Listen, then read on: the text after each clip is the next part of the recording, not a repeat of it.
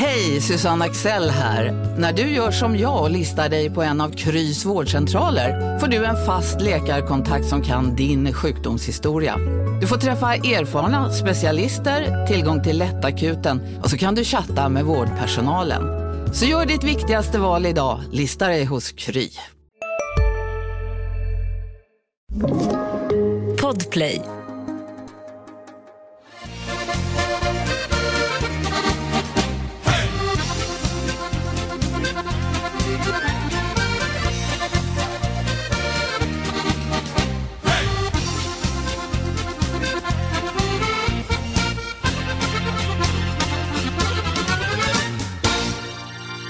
Känn er varmt välkomna till ett nytt avsnitt av NHL Puls, den delen av Hockeypuls podcast där vi fokuserar på världens bästa hockeyliga och vi gör det tillsammans med Viaplays Jonathan Lindqvist. Och Jonta, eh, jag inser att jag inte ens vet var i världen du är just nu.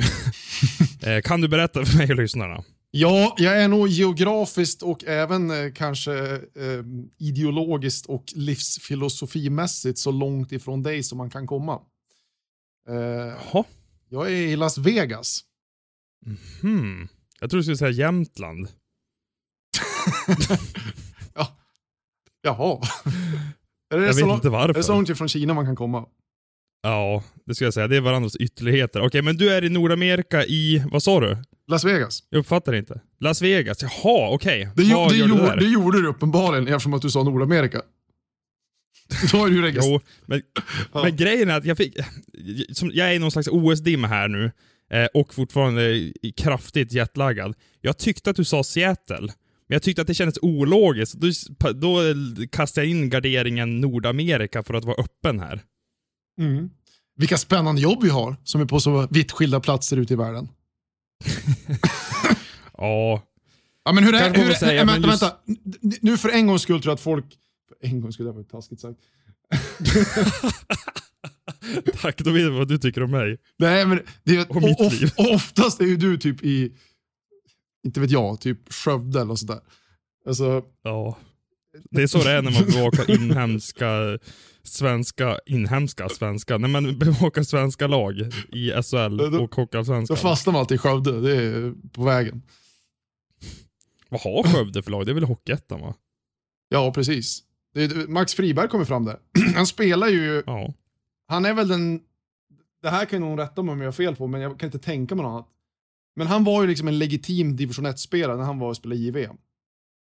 Han måste ju vara den sista sån. Var det verkligen så? Jag har för mig att han hade hunnit gå till Timrå då. Att det var hans första säsong där i Medelpad. Ja, men spelar inte två JVM? Jo, det kan han ha gjort. Men när, 2012, där när han gjorde så mycket mål, då var han i Timrå. Det är jag rätt säker på faktiskt. Ja, men det var han. men du kan men, ha fel. Nej, men jag, jag kan ha rätt och du kan också ha rätt. Du kan ha fel, så jag menar att du kan ha rätt. Men, ja, bra start. Men hur, hur är det i Kina? Jag är nyfiken också. Ja, men det är ehm, som man kan tänka sig när man hör strikt OS-bubbla. Ehm, vi får ju inte röra oss någon annanstans än från hotellet till arenorna eh, Eh, eller till den eh, yttre sidan av OS-byn där atleterna finns. Så att vi är ju egentligen boskap som skickas runt. Man måste ha munskydd varje dag. Eh, vi testas minst en gång om dagen. Eh, Vårt Expressen-gäng här är ju extremt brandskattat för tillfället med eh, positiva fall uppe i bergen. Och eh, mina kollegor här i Peking har också fått, eh, blivit kallade close contact som det så fint heter. Vilket innebär att jag är typ den enda i Expressen som får röra mig fritt, så fritt det går då, i OS-bubblan. Um, ehm, men i alla fall, Damkronorna och Tre Kronor ska ju snart in i turneringen här. Jag tror till och med att Damkronorna har spelat en match när vi släpper det här avsnittet av NHL Puls. Eh, vi ska inte landa i OS speciellt mycket mer. Det kanske kommer lite senare i avsnittet också om Jonte har några fler frågor. Eller vill du skicka iväg någonting mer mot mig innan vi kör NHL för hela slanten? Jag läste The Athletics eh, ranking av lagen på damsidan och Sverige var, och nu tappade om det var sju eller åtta. Ja, är det så illa? Ja, alltså de slutade ju sjua i Pyeongchang 2018. Då förlorade de placeringsmatch mot Japan. Ehm, de är i grupp B här i eh, Peking. Och när jag sa Peking och gänget i bergen och så ska, ska ju alla veta det, att det är ju 25 mil emellan OS-byarna och de två olika presscenterna. Så att allt är ju liksom inte centraliserat kring bara Peking, utan många, alla de, de flesta faktiskt, är ju uppe i bergen just nu av både journalister och eh, idrottare. Eh, men grupp A på damsidan består ju av jättarna. Kanada, USA, Finland, Ryssland och eh, Schweiz. Sverige är i grupp B. Eh, och där är väl Tjeckien den största utmanaren skulle jag säga, om att, och kanske Japan, om att ta första platsen. Det är ett ganska knepigt upplägg här på damsidan. Eh, för hela grupp A är redan innan OS har startat kvalificerad för kvartsfinal. Medan eh, grupp B slåss om tre platser till kvartsfinal. Då. Och det är ju där Sverige och Damkronorna är, i grupp B. Rimligt. Ja, ja, jag vet inte. Men eh, ja, jag skulle väl kunna hålla med om det. Jag tror att det är lite skrällvarning ändå på eh, Damkronorna. Jag tror att det blir Finland i kvartsfinal för att Sverige Aj, aj, lär... Vad sa du? Aj, aj, aj. Aj, aj, aj, ja. Eh, NHL. Och det som hände där borta, i Vegas kanske. Ja, men Ska vi börja där Jonta? Jack Eichel verkar ju vara på gång nu. Efter Jajamän, jag har eh, eh, okulärbesiktat Jack Eichel på is i Vegas-tröja. Med mina egna ögon på plats i, i köttet.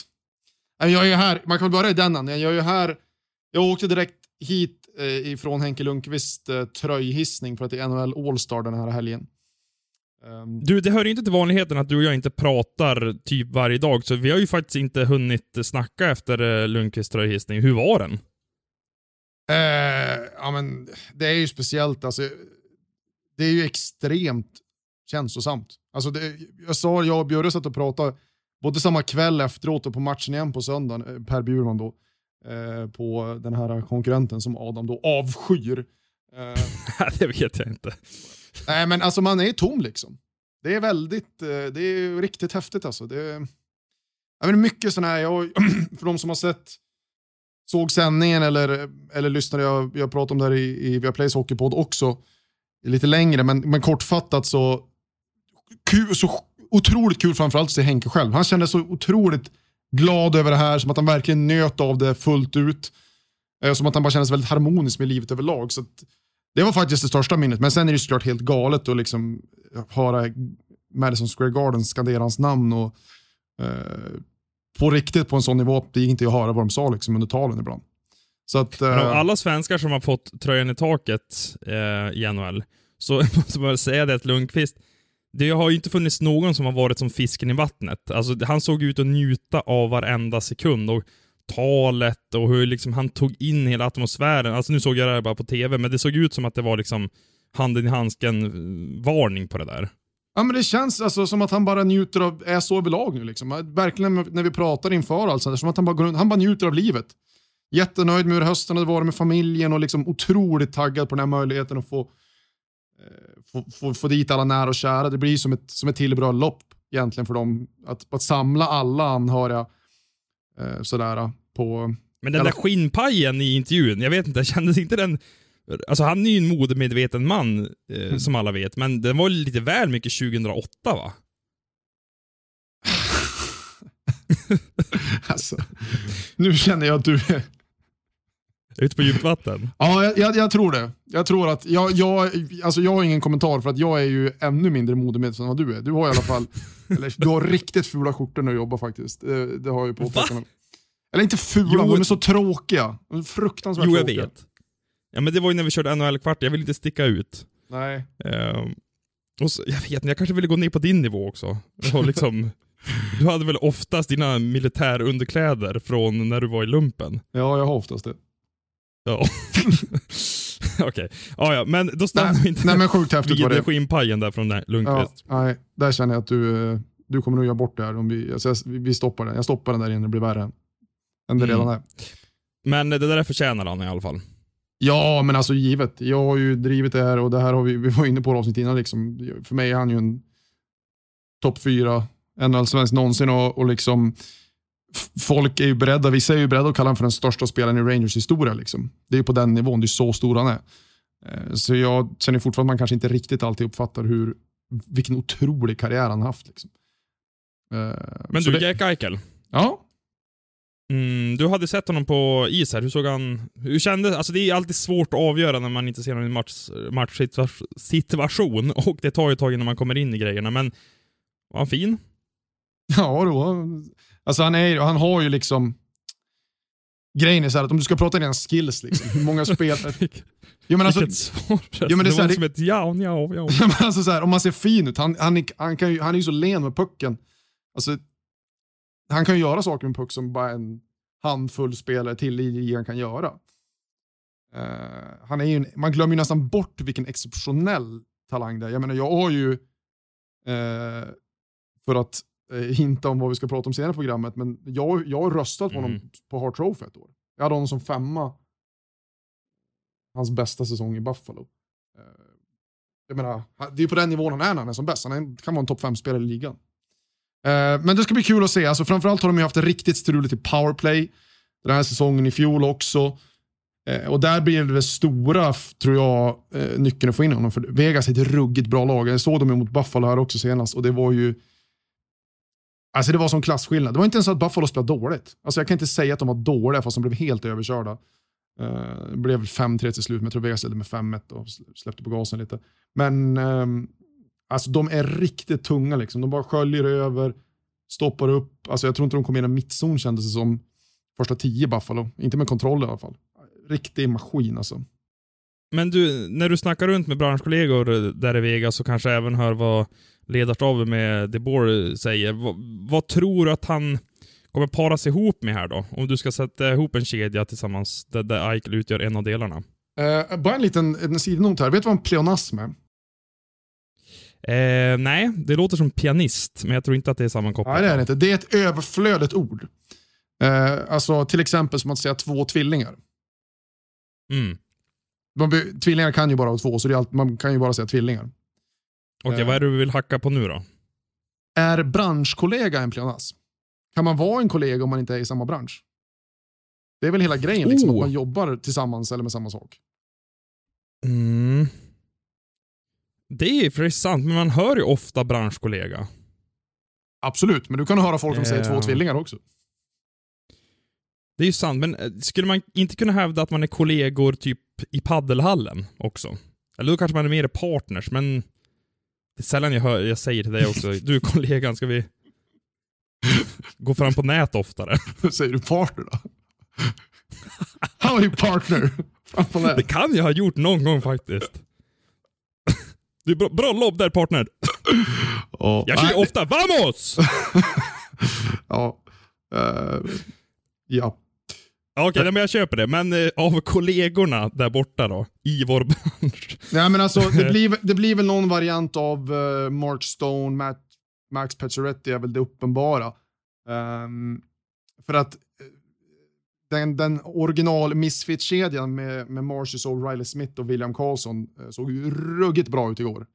Eh, det var en av de bästa, ska inte överdriva, men ja, jo. Alltså, jag kommer inte ihåg när jag såg en Men har de börjat hitta tillbaka? För de har ju haft det ganska... det har gått de hade- för dem. Ja, de hade ju ett sinnessjukt klapp-klapp-mål och hade många byten där de alltså, såg så ruggigt bra ut. Alltså.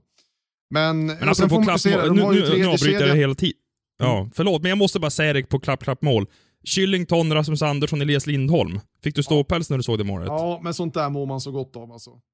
Man, jag är ju en riktig passningsvurmare och det där är ju ja, det är så härligt. Bättre än Seagars. Ja. Nej, det är det inte.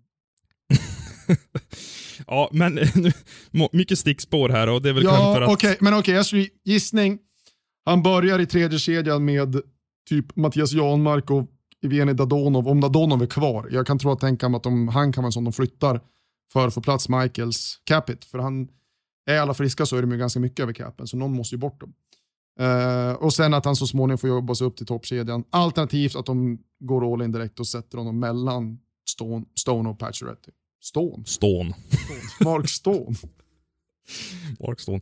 En eh, annan spelare som har bytt omgivning och redan debuterat för sitt lag, jag tror att han står på en pinne på två matcher när vi spelar in det här, det är Evander Kane som har signat med Edmonton och det är ju en omsusad man i NHL-världen och jag undrar Jonta, tycker du det var rätt av Oilers att satsa på Kane här och signa honom för resten av säsongen?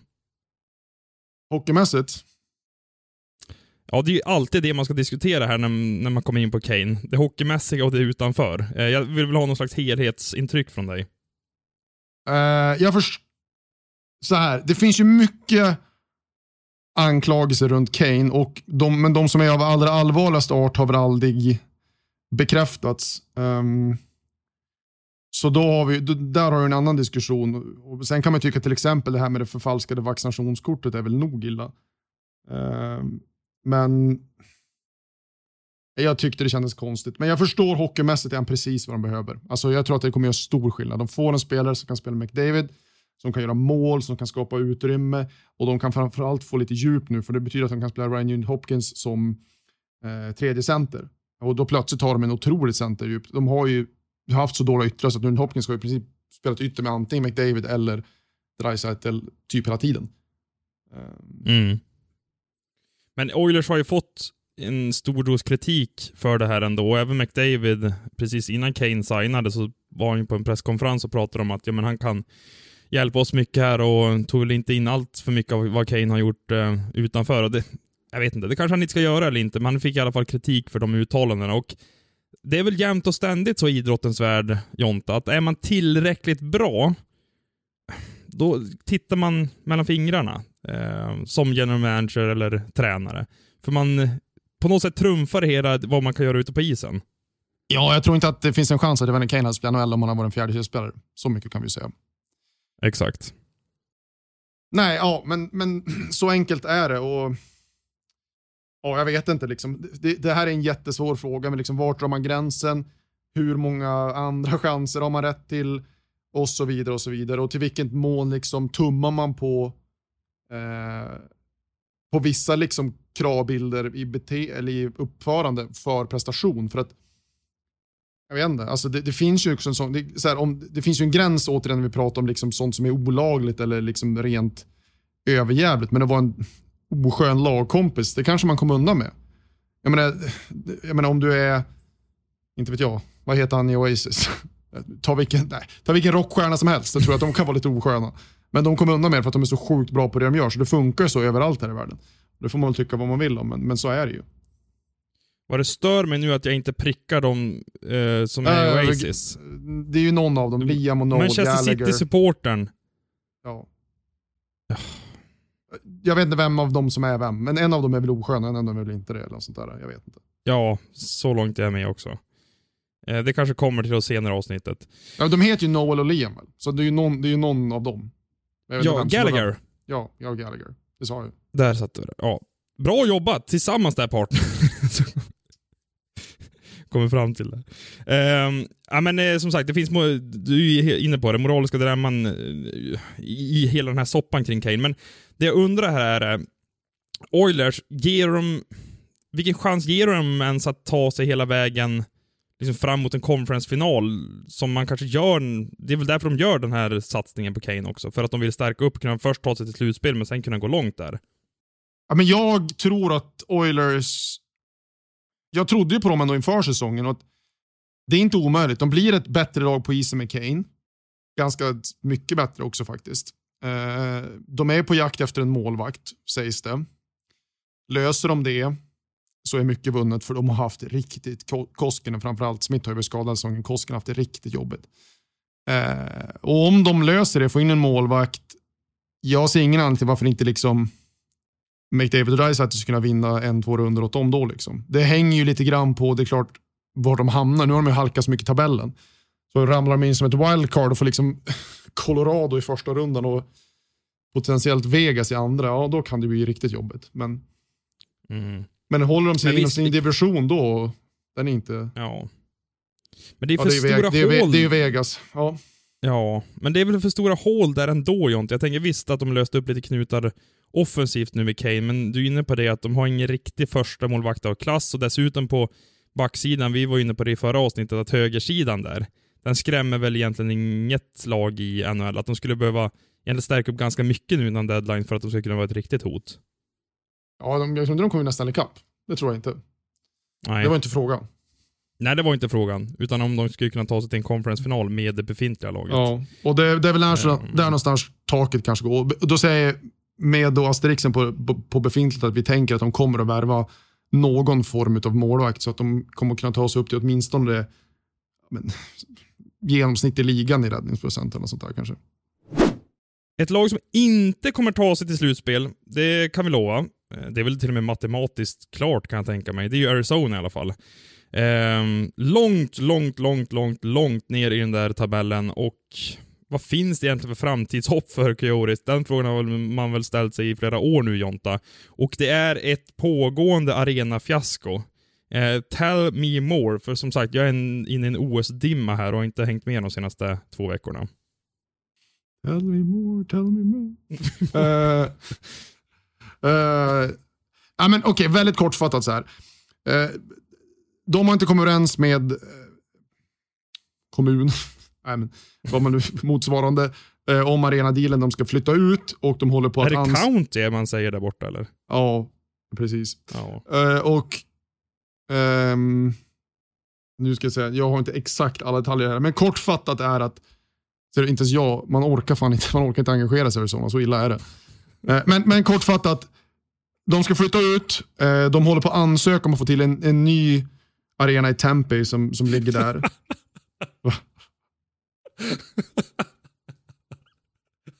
Nu var någon som var riktigt hejet här.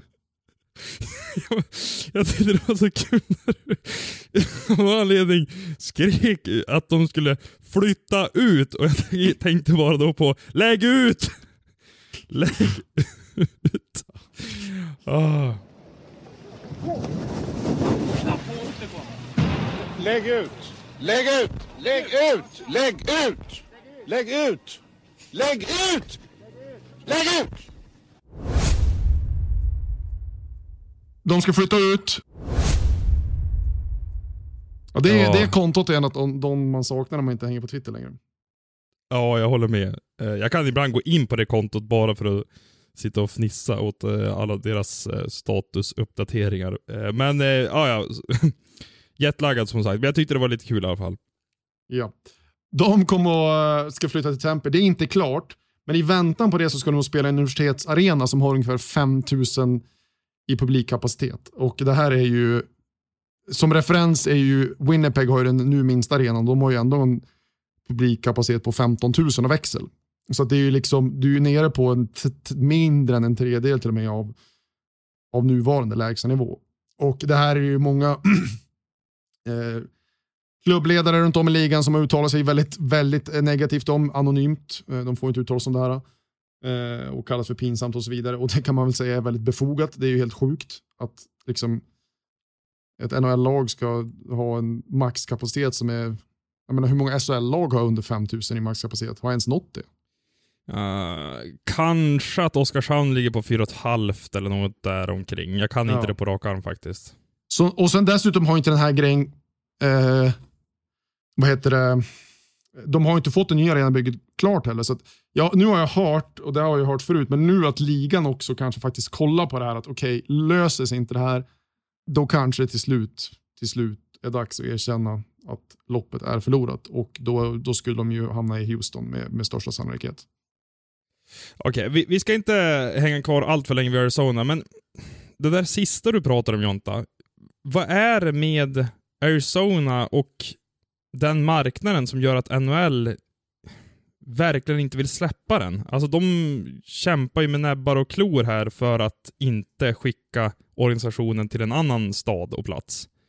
Ja, men det är helt enkelt på grund av eh, storleken på marknaden. Alltså Phoenix-området är ju ett av de största storstadsområdena i USA. Jag vet inte exakt vart på listan det kommer in, men det är högt. Det är typ topp fem eller någonting.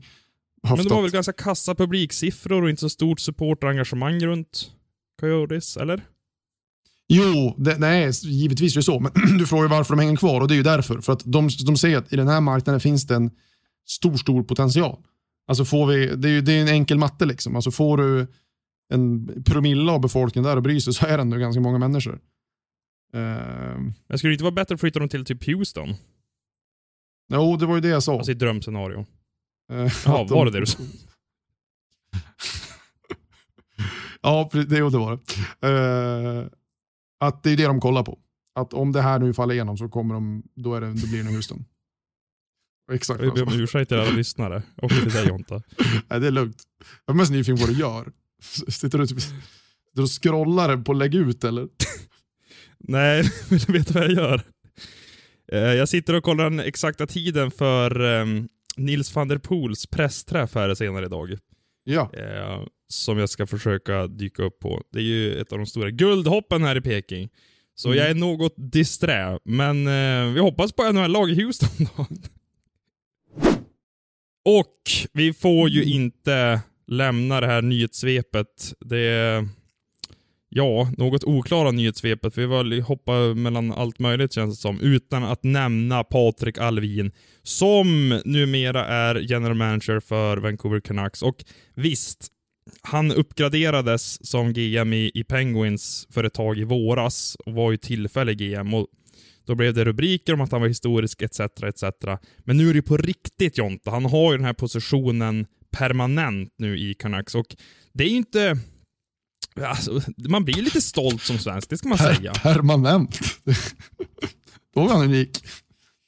Um, Va? Skämt, GM är ju inte så långvariga på sina poster alla gånger. Jaha, okej, du menar så. Ja, nej, men det är ju, det är ju superhäftigt. Alltså, det är svårt att förstå hur stort det är faktiskt. Och framförallt tycker jag, i och med att han har gått den väg han har gått. Alltså det är nog få nordamerikaner som blir general manager utan att ha en NHL-karriär. Eh, det i sig är ganska anmärkningsvärt och att göra det som svensk är otroligt häftigt. Eh, så att verkligen all heder till honom för, för den resan han har gjort och det jobb han har lagt ner för att ta sig dit han är. Ja, eh, och en riktig gentleman. Vi kan ju faktiskt tipsa om det avsnitt han var med i Hockeypuls här i våras. Gjorde ett väldigt gott intryck får jag säga och jag vet inte, han tar sig tid för alla verkar det som. Nu vet jag inte hur mycket du har haft med Alvin att göra. Jag har ju mm, gjort några intervjuer och där är poddavsnittet och smsat lite och så. Och trots all, säkert, den här hektiska tiden som han lever i just nu så tar han sig tid och det tycker jag är väldigt, eh, väldigt fint av honom i det här. Ja, absolut. Jag har samma intryck. Han, han tar sig tid och är genuint, alltså, en genuint trevlig människa. Liksom. Och det är väl en stor del av vad där han, att han är där han är. Att han har kunnat bygga sig relationer som är på riktigt och inte bara nätverkande. eh, Utan eh, ja, med riktiga relationer. Mm. Utöver då det- såklart hockey, hockeybiten. Ja, och vi ska säga att Canucks gör ju ett omtag deluxe här och de anställer Emily Casengay som assisterande GM. Eh, som jag förstått det så är hon inte den första kvinnan på den positionen, utan det var någon på 90-talet också som satt på Ja. en sådan post. Anaheim hade, jag tappar namnet på henne nu, men eh, Mm. Anaheim har haft en, en, en kvinnlig assisterande GM, ja.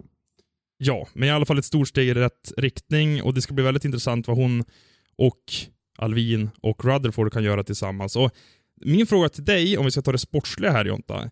Ser du Vancouver gå in i en rebuild helt och hållet här? Eller tror du att det är lite vinnarläge för den här ledartrojkan i Canucks? Jag tror att eh, om man tittar långsiktigt, jag tror det, dels alltså bara om man kollar på de värvningar som Rutherford då har gjort, han har varit ansvarig för de här värvningarna. Om du kollar på Castanguy eh, och Alvin så är det ju, eh, alltså i de här rollerna eh, ganska oprövade kort. Eh, Castanguy kommer ju från agentu, eller agentvärlden, har varit agent. Eh, Alvin har varit scout i väldigt många år. Han hann är ju bara vass GM i ett år va? Om jag inte, visst blev det bara ett år? Två år. Ja, Det, det här var hans andra år. Så ett och ett halvt man ska säga. Eh, plus den här korta sessionen och som tillfällig GM. Så att I de här positionerna så är ganska oprövade och där tänker man att man kanske vinner nu, då kanske man går lite mer rutinerat. Men att nu vill de bygga upp någonting från grunden eh, i, på led, i, ledar, tro, i ledarposition och då kanske man tänker så också på isen bara, alltså om man ska tänka lite logiskt. Verkligen. Sen vill, jag, sen vill jag säga det också att det var väl ett optimalt läge för Alvin att lämna Penguins också. För det är ju känslan att de är på väg ner. Vi vet inte heller vad som händer med Malkin och Letang när vi spelar in det här. De har utgående kontrakt. Och Precis. Crosby... NHL NHLs fjärde bästa Ja. lagmarknad var skadad det här året. Det är slut. De är slut. Nej, inte slut, men, men du förstår vad jag menar ändå. Alltså, det är en åldrande spelarstomme där. Ehm, och det är kanske inte ett lag som man kommer räkna med för de kommande fem, tio åren i toppen, eller? Nej, nej, tio år framåt räknar jag inte med något, men fem år, nej det är det inte. Alltså, det, Man kan inte räkna med något i NHL-världen över fem år nej, ens. nej, men exakt. Men det är klart att du har, du har rätt i det du säger där. Att de, de är ju, det beror mycket på vad som händer i sommar. Alltså Malkin låter det som att han är beredd att ta lite rabatt för att vara kvar. Eh, Letang, båda de har utgående kontrakt. Letang verkar inte lika sugen på det. Så beroende på till vilket pris de kan behålla de två så kommer det ju att diktera mycket vad de, vad de kan göra sen. Brian Russ har utgående kontrakt och sånt där. Men det är klart att i deras fall så handlar det om ett till två år till. Att egentligen så handlar varje säsong om att förlänga fönstret ett år till. Det är inte att du säger nu ska vi bygga en utmanare för de kommande fem åren. Som Vancouver då Nej. kommer att försöka göra. Ja, och kärnan i det jag liksom försökte uttrycka där var väl att Vancouver känns väl som ett större framtidsprojekt i detta nu än vad Penguins gör. Ja, Ehm, helt rätt. är det din bild också? Mycket bra observation. Tack. Eh, men om vi stannar vid på Vancouvers eh, lag här. Eh, Elias Pettersson, vi, vi har inte pratat om honom allt för mycket i NHL-puls under säsongen. Han har väl börjat takta igång lite nu efter en väldigt, väldigt tuff höst. Ja, absolut. Det har gått lite bättre, även om jag inte är uppe i, kan vi inte påstå att han är där vi tror att han ska vara än heller. Eh, så det trendar åt rätt riktning, men eh, fortfarande mer att önska om vi ska vara eh, verklighetsförankrade och inte för positiva i vår analys. Ska man känna lite oro som svensk här? Att det var en one season wonder eller two season wonder och att han inte är på riktigt? Eller är det här liksom Sitter bara ett på och ett typ halvt? gröpa ur någon sorts eh, matlådeskål här, eh, får ju sista flottresterna. Hör du det? Ja, jag tror alla lyssnare hörde det också. Okej. Ehm, nej, det är faktiskt en eh, vattenflaska som jag öppnade. Mm, Just det. Som Jag, tänkte tror så här att, Halsa alltså, i mig. absolut, det, det, det är inte att man bara kan säga att det här är en, en, eh, en dipp liksom och skottprocenten är lite låg, utan det har inte sett bra ut spelmässigt. Det är ganska lång tid, eh, jobbig vår i fjol också, men då var det mycket som jobbade i Vancouver. Eh, och inte fått, fått ut allt i år. Så det är klart att ser man på allt han har gjort, liksom, hur otrolig han var i Sverige, hur bra han var sina första två säsonger. Det krävs en väldigt, väldigt speciell spelare för att göra det. Eh, men det måste ju hända igen, eller det måste byggas vidare på. Eh, så enkelt är det ju. Det, det, liksom, det börjar ju bli mer än en vanlig formsvacka bara. Så att, orolig ska jag absolut inte säga, men jag tänker inte heller bara säga att låtsas som ingenting heller. Nu ska vi in i ett Hart Trophy-träsk. För Jonta har tittat till de hetaste kandidaterna till att ta hem det priset. Och vi ska säga det, det, det här ges ju till den mest värdefulla spelaren, inte den bästa nödvändigtvis. Det är ju en viktig distinktion här Jonta. Åh, Jag vet inte om det är, jag, jag tycker inte att det är någon avgörande skillnad på det. Tycker du? Är, är det inte? Ja, men ibland. Alltså, det finns ju absolut, om jag ska ta ett svenskt exempel eftersom att jag bevakar eh, Hockeyallsvenskan och SHL betydligt mer än vad jag gör NHL. För två och ett halvt år sedan så fick Samuel Ersson MVP-priset i Hockeyallsvenskan och han var i Västerås då. Eh, han var inte den bästa spelaren i, i eh, allsvenskan den säsongen, men han var ju den absolut viktigaste spelaren eftersom att han bar Västerås till en tredje plats. Så jag tycker ändå att det finns en viss eh, skillnad där. Det är att priset alltid men, men, alltså, men hur, hur vi- vilka var bättre då? Den säsongen, Ja eh, och nu sätter du mig på pottkanten för nu måste jag ju börja rabbla namn från säsongen 18-19 var det var, eller 17-18 kanske till och med i Hockeyallsvenskan. Ja men det var väl då Emil Molin var så fantastiskt bra. Nikolaj Meyer gjorde ju typ 65 pinnar för eh, Södertälje. Eh, Sebastian Dyk var också i SSK, då var riktigt, riktigt bra. Mm, AIK hade några spjutspetsar där, kanske framförallt Fredrik Weigel eh, och Anton Holm. Ja men det fanns ändå en... Så det var Tobias liksom- Enström i det- det- Modo. Det var åtta spelare som var bättre än den som var mest värdefull alltså. Ja, men, så här. I Västerås så fanns det Ersson. Han stack Mm. verkligen ut. Sen fanns det, sen var det ett ganska långt hopp ner till tvåan på den listan. Medan i typ SSK, Modo, AIK, Oskarshamn, lag som var ganska högt upp i tabellen om jag inte minns fel.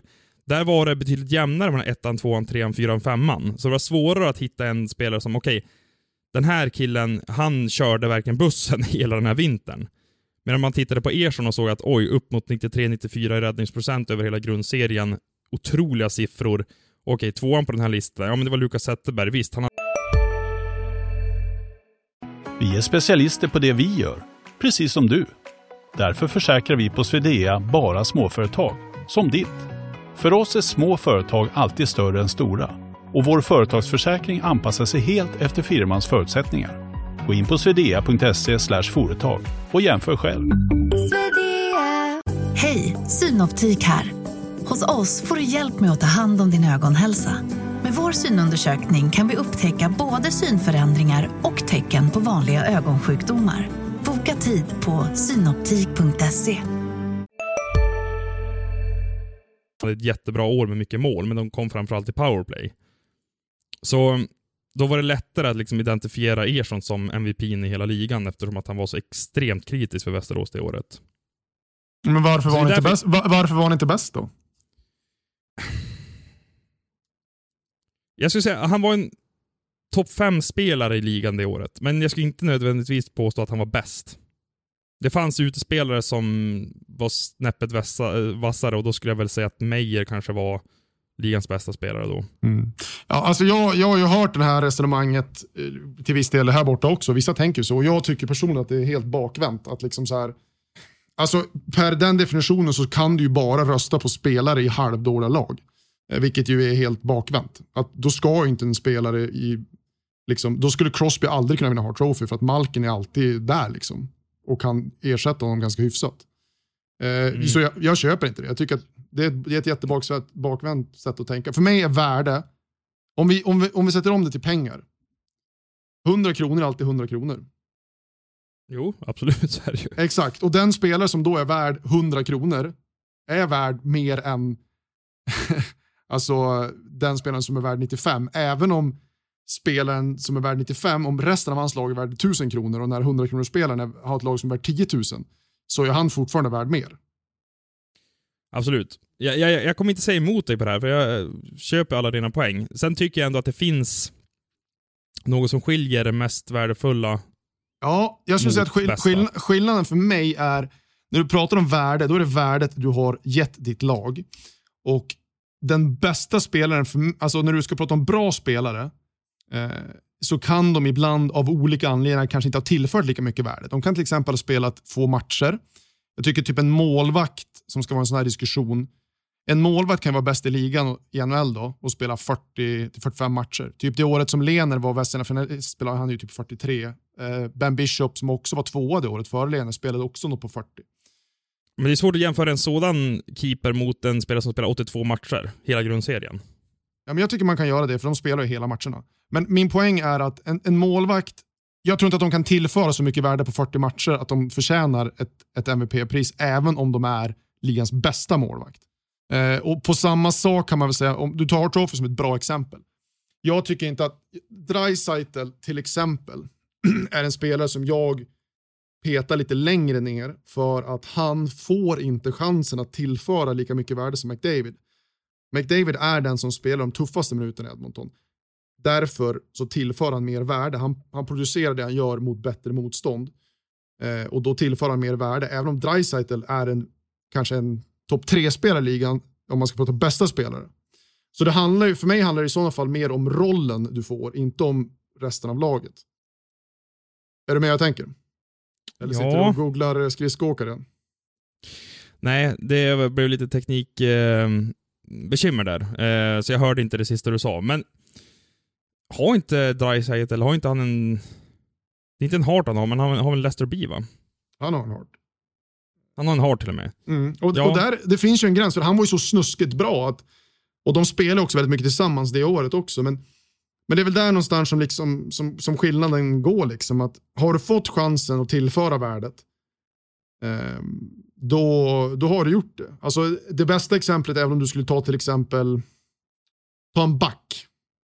Säg att du har den bästa backen i ligan, men av någon anledning så spelar du bara den här spelaren 20 minuter per match. Du ska spara honom till slutspelet eller någonting. Eller andra problem med ljumskarna då börjar du tangera en nivå där det är så här, och kan du vara den mest värdefulla spelaren i ligan som back och bara spela 20 minuter per match, när de bästa backarna i ligan spelar 25-26. Där någonstans börjar vi röra oss. Eller till exempel om du är en spelare som, ja men Malkin är ett bra exempel på en spelare som hade kanske vunnit mer än en Hart Trophy om han hade spelat ett annat lag. Och på grund av att han inte alltid fick de lägen att tillföra värde, eh, för att Crosby ändå var nummer ett så, så kanske inte blev så. Men, men för mig är det så enkelt. Liksom. Ett värde är ett värde. Liksom. Det spelar ingen roll hur men jag bra fattar det, men- men-. Mm. Nej men, eh, när vi pratar speltid och, och värde till Mm. lag och så. Thomas Chabot är väl den som har mest istid av alla spelare i hela NHL just nu. Eh, Mm. Och han betyder väldigt mycket för Ottawa. Mm. Ehm, skulle man inte kunna, nu säger jag inte att jag kanske tycker det här, men man skulle väl kunna påstå att han har en större inverkan på Senators än vad Crosby har för Pittsburgh. Ja, det kan man säga. Men det är ju därför jag resonerar Att han så. därför är mer, mer värdefull då. Ja, det beror på hur man resonerar. Alltså återigen, då är vi tillbaka till samma sak. Att du kan ju bara vara en MVP i dåliga lag då. Eh, och det, för mig är det ett otroligt bakvänt sätt att tänka. Alltså återigen, Fast kan värdet... du, kan du det? Alltså, om du tar till exempel Edmonton till en första plats i grundserien. Ett Mm. Edmonton som på pappret ser sådär ut, för några, ut förutom några extremt stora spetsar då, i form av McDavid, Dreisaitl och allt vad de heter. Jag menar, Jaha, kan du- absolut. Då ska du ju vinna. Det är klart du ska vinna en MVP då, men då har du ju gjort väldigt bra saker med ett ganska dåligt lag. Eh, Men, Exakt. i- men det är ju ingen som, ja, det händer ju inte. De har världens två bästa, kanske världens två bästa forwards och de har fortfarande problem med att ens gå till slutspel. Så det där händer inte.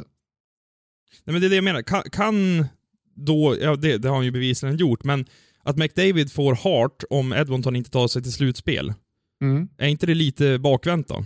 Att han inte Absolut lyckas ta dem inte. dit? Då, kan jag, Nej, då säger jag så här. Ja, men, säg, återigen, vi tar pengarna för att återigen, värde, om man omsätter till pengar blir mycket tydligare. Eh, om, du har, om du är fångarna på fortet och du ska samla guldmynt och Connor McDavid samlar ihop flest guldmynt av alla på fortet, men att hans lag är super och bara får ihop tre mynt till tillsammans, så har han fortfarande tillfört mest värde även om de förlorar då och inte når målet. Eh, Som i det här Absolut. fallet till slutspel. Men jag går bara till mig själv, typ, nu spelar jag inte det, det var ju rätt många år sedan, men jag byggde fantasy Premier League-lag, Mm. då tog jag ju kanske inte den dyraste och bästa spelaren i Premier League för att jag insåg att okej, går jag ner ett snäpp, då kan jag få två 10 miljoner spelare och sen Mm. bygga ett starkare lag totalt sett än att kanske gå på Mohamed Salah som kostar 12,5 miljoner. Absolut, men nu pratar, men nu, pratar du, nu pratar du om hur du ska bygga ett bra lag, inte om vilken spelare som är mest värdefull. Nej, jag förstår att det är två skilda diskussioner, men i min värld så finns det ändå en viss skillnad mellan mest värdefull och bäst i ligan. Men Ja, det är inte att Men, säger men, men skillnaden är Ja. precis som, som jag säger, att jag tycker att om, om kvalifikationen är liksom hur stor, eller hur, hur, huruvida, nummer ett att spelaren ska gå till slutspel och sen nummer två, hur laget hade klarat sig av att ta sig slutspel utan honom, vilket många verkar resonera ibland, är det så här, ja, nej, det, du, då, är det bara, då kan du bara rösta på spelare ur tio lag i ligan typ. Eh, och, men min poäng är så här att det är klart att det spelar roll. Det är klart att jag tittar på den kollektiva framgången, man tittar på, alltså väger in lite vad man har för, för känsla kring X-faktorer. Alltså har den här spelaren varit en, upplever man en bra ledare som har hjälpt laget som helhet att höja sig? För vi pratar om så pass, det är klart att när du är så pass bra som de här spelarna är, eh, om du är Crosby eller McDavid, hur du är påverkar resten av laget. Alltså, så, det tror jag, det är jag övertygad om. Så det är klart att det finns, det finns lite mjuka värden och lite så här vinnargrejen och jag, jag kommer ju eh, absolut att man lutar ju mot eh, spelare som går till slutspel, det är ju, det är ju målet. Men jag tycker att det är lika stort, det är lika stort värde att, det är ju nästan, om man kan vända på så här, det är ju större värde egentligen att vara en skitbra spelare i ett jättebra lag. Alltså du- Kucherov tillför mer värde till Tampa än vad McDavid gör till Edmonton. Egentligen. För att vadå, McDavid, visst, de tog sig till slutspel tack vare McDavid, så åkte de ut i första rundan mot Winnipeg. Kutch, Tampa vinner Stanley Cup med Kucherov. Vad är mest värdefullt? Åka ut i första rundan eller vinna Stanley Cup? Så att, Jo, men Det- där kan man ju alltså, också tänka att hade man bytt plats på dem, McDavid i Tampa, så hade han ju... Exakt, Alltså- min, exakt min poäng. Mm. Det är därför Mm. det är så otroligt bakvänt att väga in lagets prestation. Man tittar bara på vad, det är ett individuellt pris. Vad tillför den individuella spelaren för värde? Och Ja. det är klart att beroende på hur laget ser ut så kan en spelare få möjlighet att tillföra större värde. Och här har du Edmonton ett bra exempel. McDavid och Dreisaitl spelar 22-23 per nu- minuter per match som forwards. De får chanser att tillföra enormt mycket värde på ett sätt som till exempel en Tampa-spelare inte får. Eh, För att de kommer inte spela Kucherov så mycket, även fast han skulle kunna ha gjort det. För att de har så pass brett lag och, så de behöver inte det. Och, och där kan du säga att i slutändan kommer ju kanske McDavid tillföra mer värde för att han har fått mer tid att göra det. Till Ja. exempel. Ehm, och jag sitter inte här och säger att McDavid, Ovechkin, Crosby, att de inte förtjänade att få Hart Trophy. Det är klart de gjorde det. Och lite rollen som programledare så handlar det om att skapa diskussion här och det kanske inte är Ja, alltid men bra, så att- bra, bra frågor. Nej, Ja, men jag, jag vill säga det Jonte, att jag motsätter mig inte någonting här, det du säger. Jag håller med om allting. Eh, och Jag tyckte att det här skapade faktiskt ett ganska bra diskussionsämne kring Hart Trophy. Jo, och, jo men, eh, men grejen är att jag vet att du gör det och spelar djävulens advokat. Exakt. Eh, en term som lever kvar Jag vill- faktiskt. Jag vill provocera dig lite grann ibland Ja, men det är bra. Men grejen är att den här diskussionen har jag haft med så många människor och jag, jag tycker att det är så många som tänker så bakvänt kring det här. Eh, faktiskt. Eh, men, men, men då vill jag ha kandidaterna. Eh, vilka som är längst fram i det här racet för att ta hem Hart Trophy? Ja, till sist och slut så, jag tror att jag landar i McDavid faktiskt. Jag gör det. Ehm, de är med i racet, det är egentligen bara Vad sa, tack vad sa du att det hette när... eh, Det här är inte pion, pionis, P- pleonas. pionasm. Mm. Till sist så slut. Är Till det sist. en... Till sist och slut. Eh, ja, det kanske det är. Kvalar, kvalar det in kanske? Ja, det, det är det. Ja, det, men det är klart. Man kan bara säga till slut. Eh, Ja. kan man säga. Ehm, leverera dina namn. Ja, men alltså, han är ligans bästa offensiva spelare. Han har jättebra underliggande siffror. Eh, underskattad statistik med honom tycker jag är att han är han toppar ju ligan i, utvisnings plus minus. Alltså, han har plus 18 i utvisningar. Han har tagit 6 och fått med sig 24. Om man jämför med till exempel Dreisaitl som är plus 5 där. Om man ska ställa de två mot varandra så tycker jag en avgörande skillnad. Det är faktiskt en, en väldigt underskattad statistik tycker jag. Om man ser till hur stor hur många faktiska mål de här utvecklingarna faktiskt kommer leda till. Det vet man ju enligt statistiken. Um, ja, men inte vet jag. Jag känner lite så här. Det är den här generationens bästa spelare i sin absoluta prime. Var, Ja. Varför krångla till det? McNavid. Mm. Så han, han, jag landar nog att han är etta just nu. Men det, vi har några spelare som har otroliga säsonger. Um, Alexander Ovechkin såklart. Eh, han är väl trea i målligan nu, femma i poängligan. Eh, har jättebra resultat i 5 mot 5 på ett, på ett bättre underliggande siffra han haft på sex år tror jag.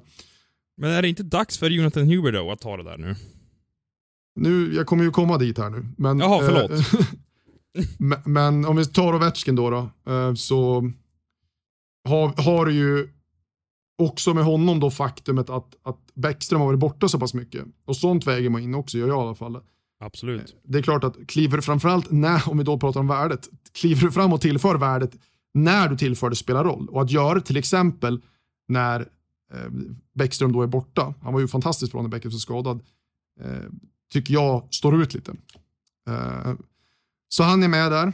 Eh, han gör det ju ganska bra liksom, arbetsmässigt, han kommer aldrig vara en Selke Trophy-vinnare liksom, men, men han är med. Huber då är med, jag skulle absolut inte säga att det är dags för honom, för han har inte varit i den här diskussionen tidigare.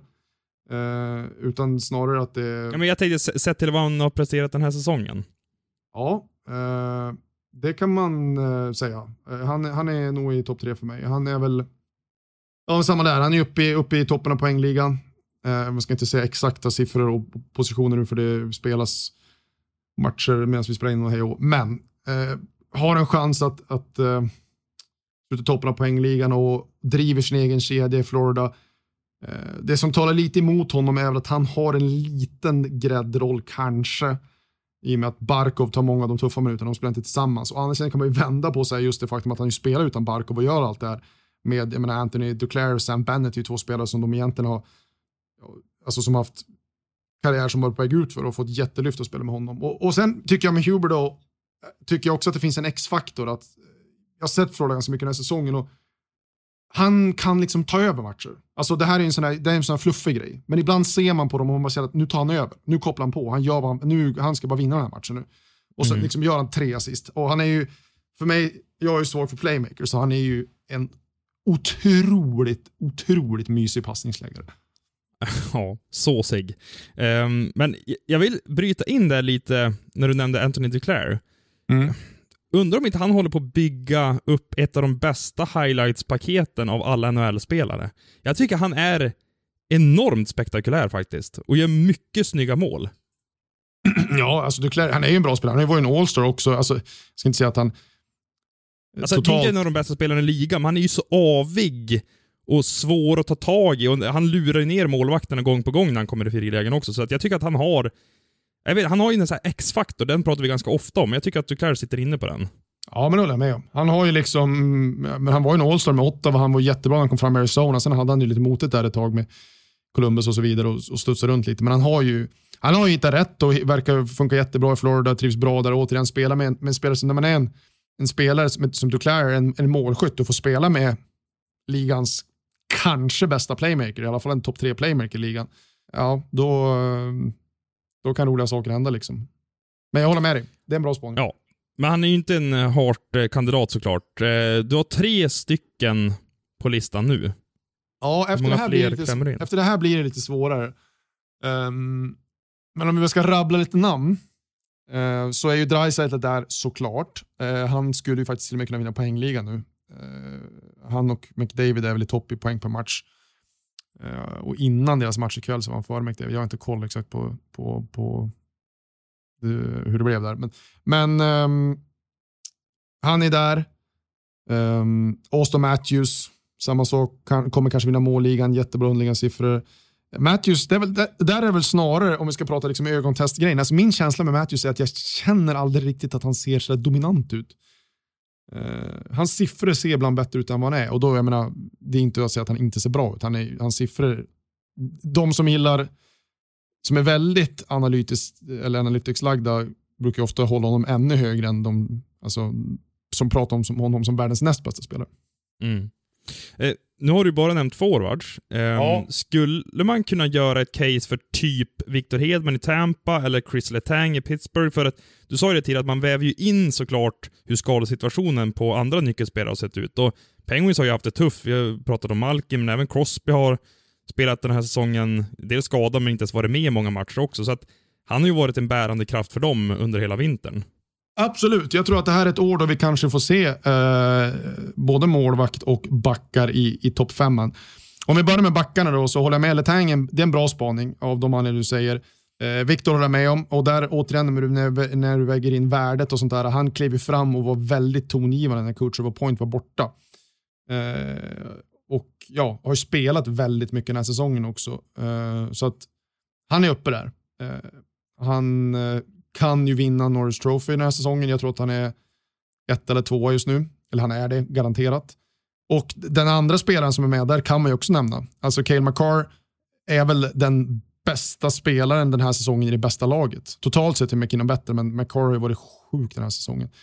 Um, så att han kan man väl kanske också nämna, så missar några matcher och sånt där. Men just där, där har vi en poäng att det finns kanske, om, om vi ska snurra in oss i den här svåra värdediskussionen, så kanske Viktor har tillfört mer värde, även om McCart kanske har varit bättre.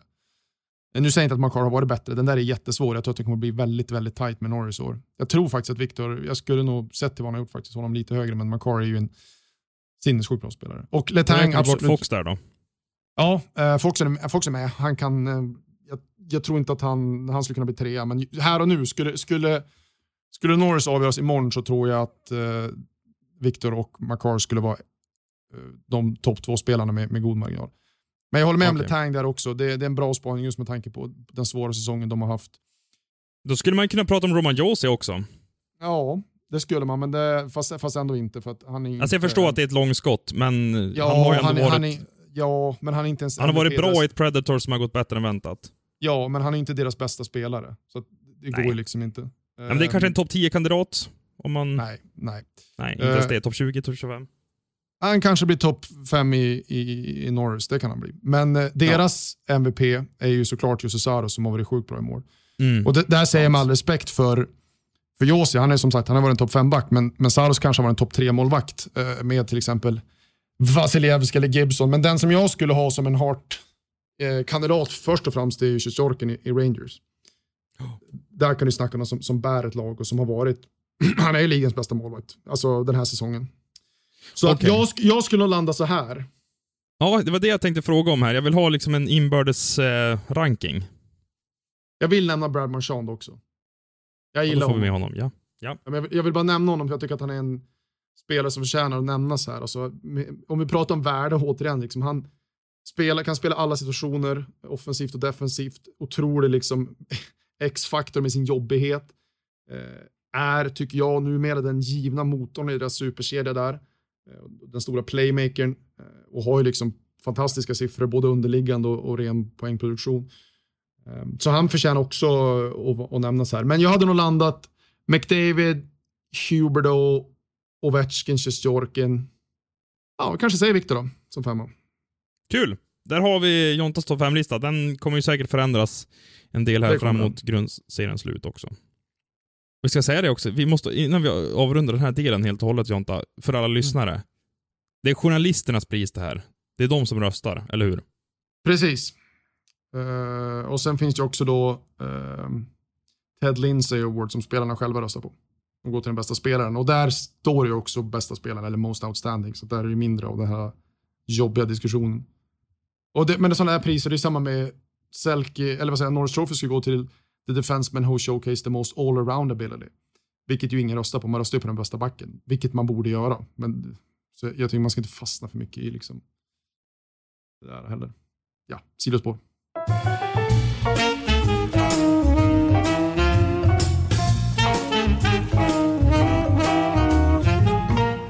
Yes, då är vi framme vid det sista momentet. Det är testet och eh, förra veckan så var det Jontas tur att sitta på både manus för det och även facit.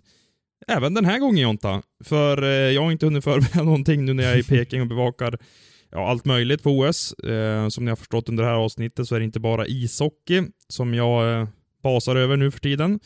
Eh, utan det är skridskor och freestyle och det ska faktiskt bli kul att åka upp till bergen, för nu verkar det som det att jag kanske kommer få se antingen skidorna i helgen eller när Sandra Näslund tävlar. Hon har ju revansch att utkräva sedan 2018 när hon inte tog medalj. Så, mm. Förresten, på tal om det. Jag pratade med Peter häromdagen och gjorde ja, men några vinklar inför OS. Han ska ju sitta som expert för Discovery. Vet du vem han hoppades allra mest på? Eh, skulle komma hem med en guldmedalj runt halsen efter att eh, OS är färdigspelat. Nej, Som han hejade lite extra på. Han är ju från Ångermanland. nej. Okej. Ja, jag har redan nämnt henne. Eh, Sandra Näslund. Ehm, och det, det skulle vara kul om hon vann den här gången. Eh, det var ju fruktansvärda bilder 2018. Ja, ja. Testet Jonta. Ditt race. Jajamän, har du papper och penna? Mm, nej, det har jag inte. Jag har inte ens med mig det. Men jag ger mig två sex så ska jag hämta. Eh, jag tror att det finns utanför mitt rum. Okej, papper och penna har jag. Då kör vi samma upplägg som senast. Ja. Eh, du ska Eh, för nytillkomna lyssnare, det är 90 sekunder jag har på mig att knäcka det här. Japp, och jag tycker ju, jag gör min egen tolkning. Så du har alltså 90 sekunder på dig att skriva ner eh, de åtta namn jag söker än en gång. Mhm. Eh, och vid de här 90 sekunderna slut så måste du lägga ner pennan och då får du läsa upp de åtta namnen. Det får inte vara fler än åtta. Det är det som är det enda kriteriet här. Så du kan inte mata, utan du får tänka ordentligt de här 90 sekunderna och se till att skriva ner dem innan tiden är slut. Och sen går vi igenom dem i lugn och ro när du har när tiden är slut. Köper upplägget. Mm. Eh, då kommer frågan här då. Mm, och du säger till när tiden börjar, så alla vet det också. För det kanske är några som sitter hemma och vill eh, tävla mot mig. Okej, jag söker åtta namn idag, Adam, och lyssnarna. Och du ska få en, eh, en, eh, för, en kort, kort eh, läsning här. Lucas Raymond har gjort en jättesuccé den här säsongen, eh, får man väl säga. Och det ska inte förvånas oss någonting, för man kan ju säga att det finns goda bevis på att han är en av de absolut mest talangfulla spelarna svensk hockey någonsin har fått fram. Kanske en av de tio största talangerna någonsin. Och varför säger jag det här? Jo, det är för att Lukas gick ju fyra i draften sitt år och han är en av bara nio svenskar som har gått fyra eller högre i en NHL-draft. Jag vill ha namnet på de andra åtta. Varsågod. Eh, räknas fyran in? Ja. Alltså, är det ettan, tvåan, trean, fyran i draften? Ja. Okej, ja, Fy, fyra, upplägget. fyra eller högre. Lukas Okej, är med i sällskapet. Ja. Ja, okej, säg till när jag kör. Jag har sagt kör. Det rullar.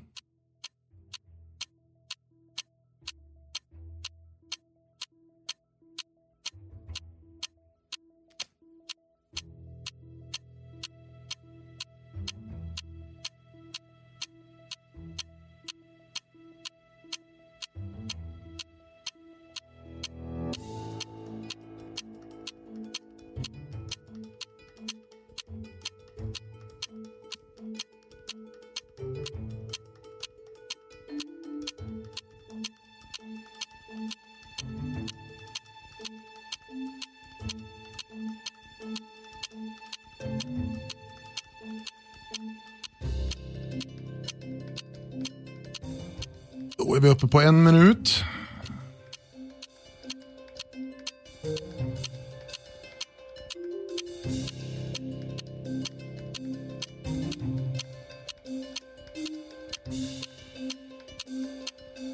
Alltså jag har åtta namn nu, jag funderar på att nöja mig med de här. Det är eh, ett som jag inte riktigt är säker på. Eh, jag funderar på chansa där. Ja, du, får, du, får, eh, du får en 10 bonussekunder för att jag babblade. Jag startade direkt efter du frågade. Så nu är det fem kvar här, bestäm dig. Nej, jag nöjer mig här. Jag nöjer mig här. Då stoppar vi på 1.38. Varsågod och läsa. Vilka åtta var det? Eh, Okej. Mats Sundin, Ja, Rasmus Dahlin, ja, Gabriel Landeskog, ja, Viktor Hedman, ja, Daniel Sedin, ja, Henrik Sedin, ja. Peter Forsberg. Nej, Var inte han fyra i, för Flyers? nej. Sexa vill jag säga att han var. Jag kan dubbelkolla det också. Jag har okej. Ja, det var. Jag fick, jag fick för mig att han var fyra. Ehm, så att jag trodde att jag var säker på honom. Den jag funderade mest på här, som kom Mm. in sist, det var Elias Pettersson. För jag vill minnas att han var fyra, men han kan ha varit sjua också. Det var det jag satt och funderade på. Skrev du honom? Ja, jag skrev honom. Femma. Nej! Men jag hade också ja. gissat på sjua. Det kändes faktiskt konstigt. Ja, jag Jag, jag, var säker på att han var sjua, men det står ju här på nhl.com att han var femma. Då får vi tro på det. Ja. Eh, ja, du har missat två stycken här alltså. Jag Ja, är sex av åtta hittills. De, jag skulle säga att de här, eh, det var de två svåraste du missade. Mm. Eh, du missade faktiskt de andra två utöver Lukas som har gått fyra. Så du tog alltså alla som har varit topp tre. Okej. Eh, ska jag ge dig några ledtrådar här? Vill du bara ha namnen? Nej, men det kan väl vara kul för både mig och lyssnarna att få ledtråd så kanske vi knäcker allihopa. Okej. Eh, jag söker... Eh, vi börjar med den näst... Den, den av de här två som är lättare. Eh, och det här är ju definitivt en av de största talangerna i, i svensk hockey. Eh, en spelare som... alltså vad är det här? jag, jag vet inte, alltså alla ledtrådar jag kommer på känns så sjukt lätta. Eh, Ja, men sä, säg dem bara då. Han har vunnit en Stanley Cup med en fraktur i typ någonstans i kroppen. Handen tror jag var. Fingret tror jag var. Han har vunnit en Stanley Cup. Ja, det är många som har gjort det. Eh, Ja, men han, jag vill säga att han, han har en fraktur i fingret. Det här är inte så länge sedan. ja, men Erik Karlsson? Nej, han har inte vunnit Stanley Cup.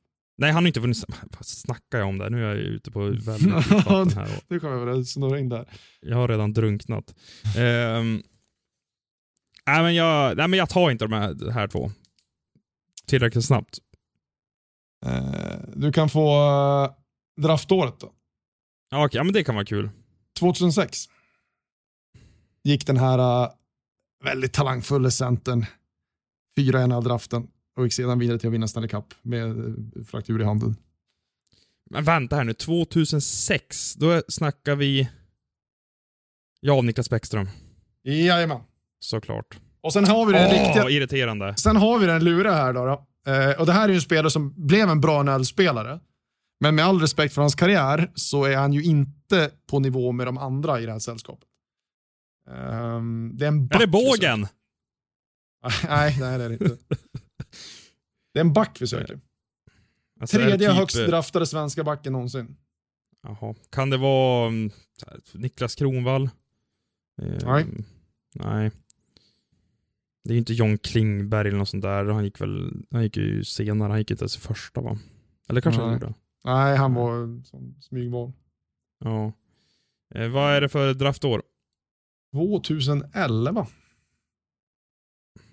Okej, så då snackar vi 90... Ja men vänta, är det David Rundblad?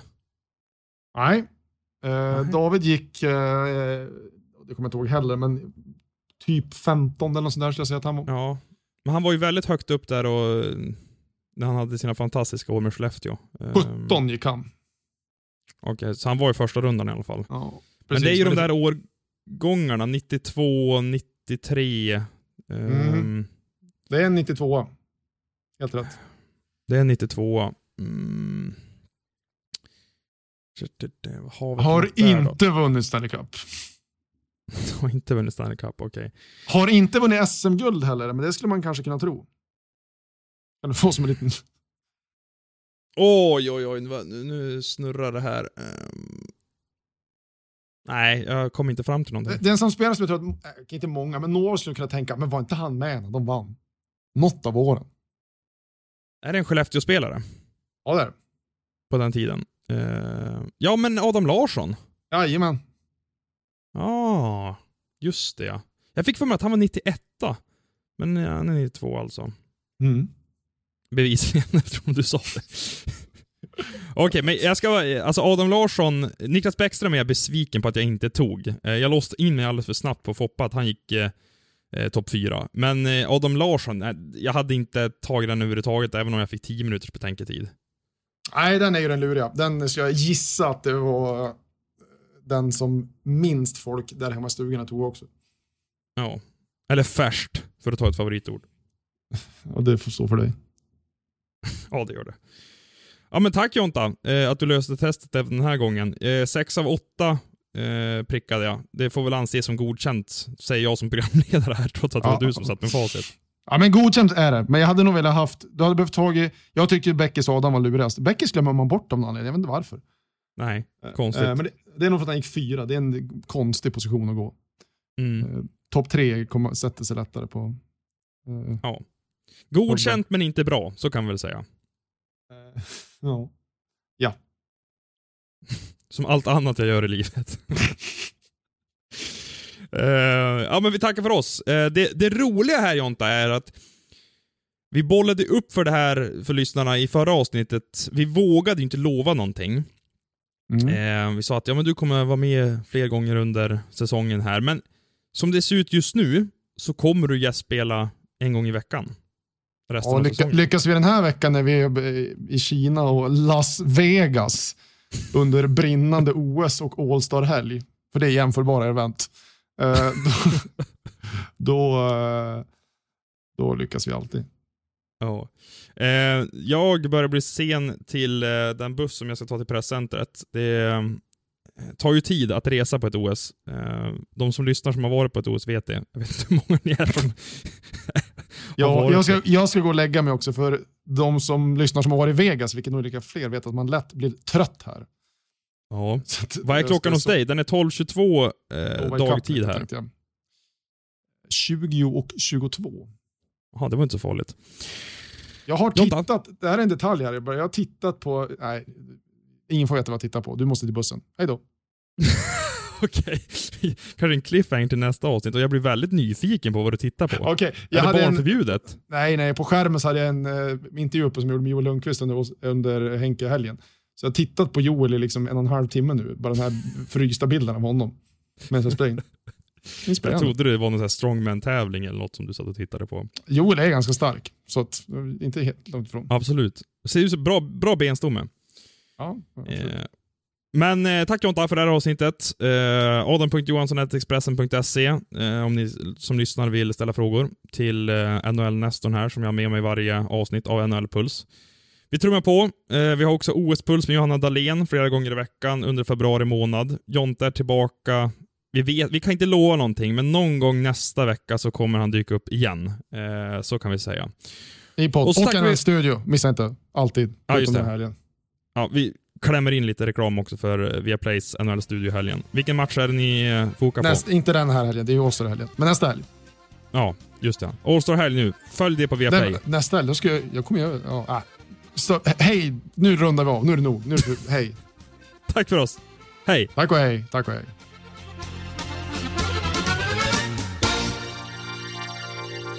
Du har lyssnat på en podcast från Expressen. Ansvarig utgivare är Klas Granström.